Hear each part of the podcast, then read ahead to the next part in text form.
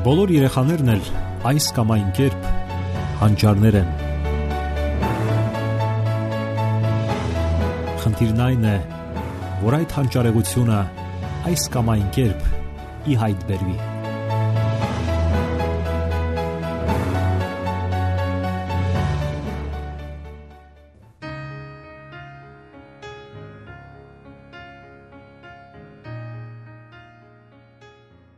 Բարև ձեզ սիրելի ռադիո լսողներ։ Եթերում դաստիարակություն հաղորդաշարն է։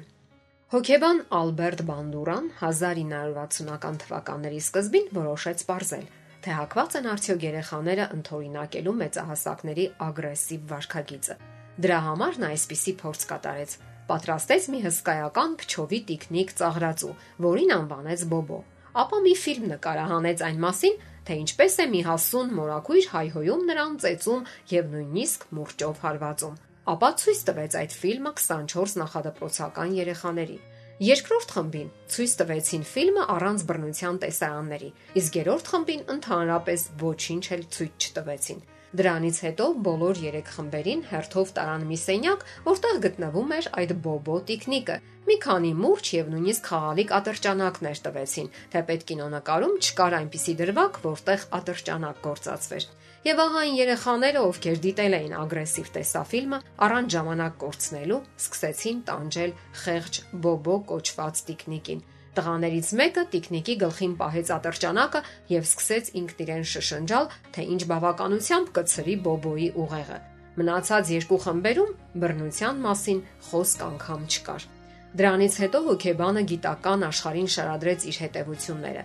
Սակայն գտնվեցին բազմաթիվ թերահավատներ, ովքեր ասացին, որ այդ բոլորը ոչինչ էլ չի ապացուցում, որ ռեզինե տիկնիկը հենց այն բանի համար է հորինված, որ նրան քոթակեն։ Այդ ժամանակ հոկեբան Բանդուրան նկարահանեց մեկ այլ ֆիլմ, որտեղ ծաղրում էին այդ կենթանի հասուն մարդուն, ով հակել էր ծաղրածուի հակոստներ։ Դրանից հետո հավաքեց այլ ավելի շատ երեխաների եւ ցույց տվեց կինոնկարը։ Դարձյալ սենյակ տանելով երեխաներին, որտեղ գտնվում էր այժմ արդեն կենթանի բոբոն։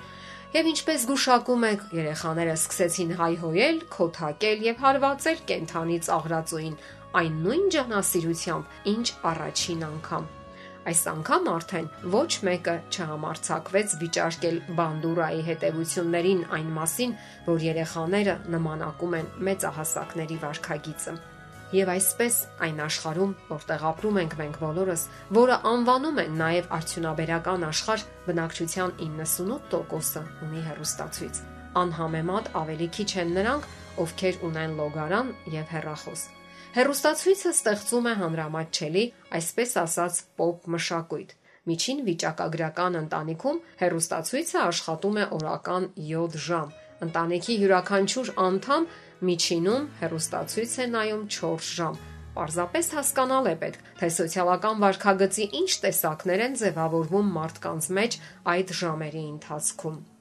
Հերբները եւ իր որոշ գործընկերներ 30 տարվա ընթացքում ամեն օր հետևում էին հերոստահաղորդումների լավագույն ժամերի, այսպես կոչված ցանցը եւ շաբաթօրյա առավոտյան ծրագրերը։ Եվ ինչ հայտնաբերեցին նրանք։ Յուրաքանչյուր 3 հաղորդումներից երկուսը պարունակում էին բռնության տեսարաններ։ Օրինակ, ֆիզիկական ճնշումների գործողություններ, որոնք ուղեկցվում էին ծեծելու կամ սպանության սպառնալիքներով, կամ էլ հենց ծեծի եւ սպանության տեսարաններով։ Պարզվել է, որ միջնակարգ դպրոցը ավարտելու պահին երեխան հերոստացույցով նայել է սպանության ավելի քան 8000 տեսարան եւ 100.000 այլ տեսարաններ, որոնք ուղեկցվում են բռնությամբ։ Սա վերաբերում է միայն հերոստատեսությանը, առանց ներառելու մյուս աղբյուրները։ Մտորելով իր 22 տարվա փորձերի եւ հաշվարկների շուրջ, հերբները այսպես է ամփոփում.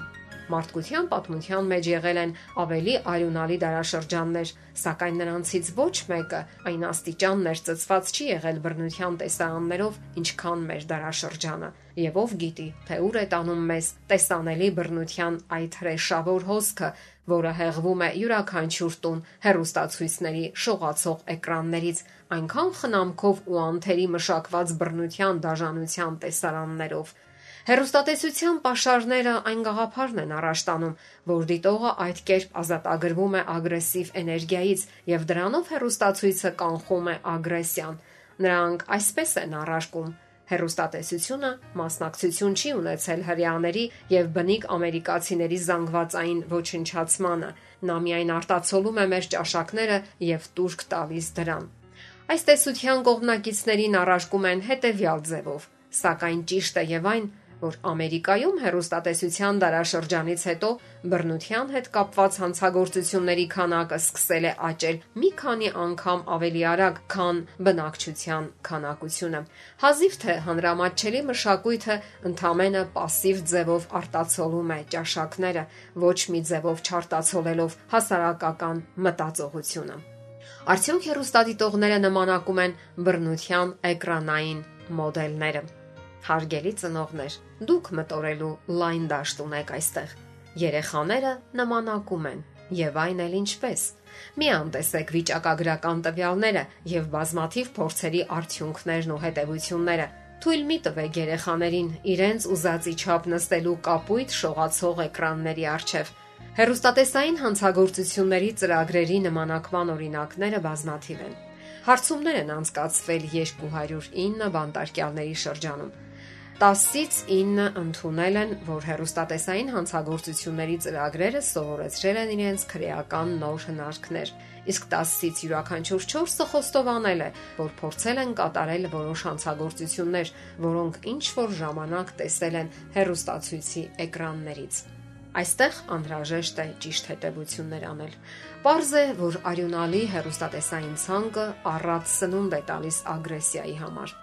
Կան իհարկե այլ գործոններ եւս։ Իսկ միգուցե հնարավոր է ագրեսիվ երեխաները գերադասում են դիտել ագրեսիվ ծրագրեր։ Իսկ միգուցե ցածր ինտելեկտն է նախատրամադրում որոշ երեխաների, որ ընտրություն կատարեն ագրեսիվ ծրագրերի եւ ագրեսիվ արարքների օգտին։ Մեկ այլ հետազոտության տվյալների համաձայն 8 տարեկան հասակում մարտաֆիլմեր դիտելը ճափավոր աստիճանով նախասահմանում է ագրեսիվությունը 19 տարեկանում։ Իսկ ահա ագրեսիվությունը 8 տարեկանում չի նախասահմանում հրապուրվածությունը մարտաֆիլմերով 19 տարեկանում։ Այսքանով չի ավարտվում հետազոտությունների ցանկը, որոնք ապացուցում են հերոստատեսության բացասական ազդեցությունը երեխաների վրա։ Մեր հաջորդ հաղորդումների ընթացքում եւս մենք կանդրադառնանք այլ հետազոտությունների եւ հարցումների, որոնք միանշանակ ապացուցում են հերոստատեսության եւ ագրեսիվության միջև գոյություն ունեցող սերտ կապը հերոստատեսությունը, իսկ այսօր նաև համակարգիչը խլում են մեր երեխաների մանկությունը։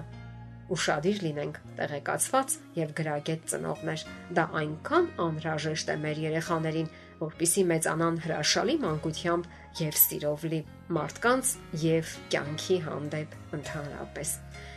Սիրելի ռադիո լսողներ, եթերում դասյարակություն հաղորդաշարներ։ Ձեզ հետ է Գեղեցիկ Մարտիրոսյանը։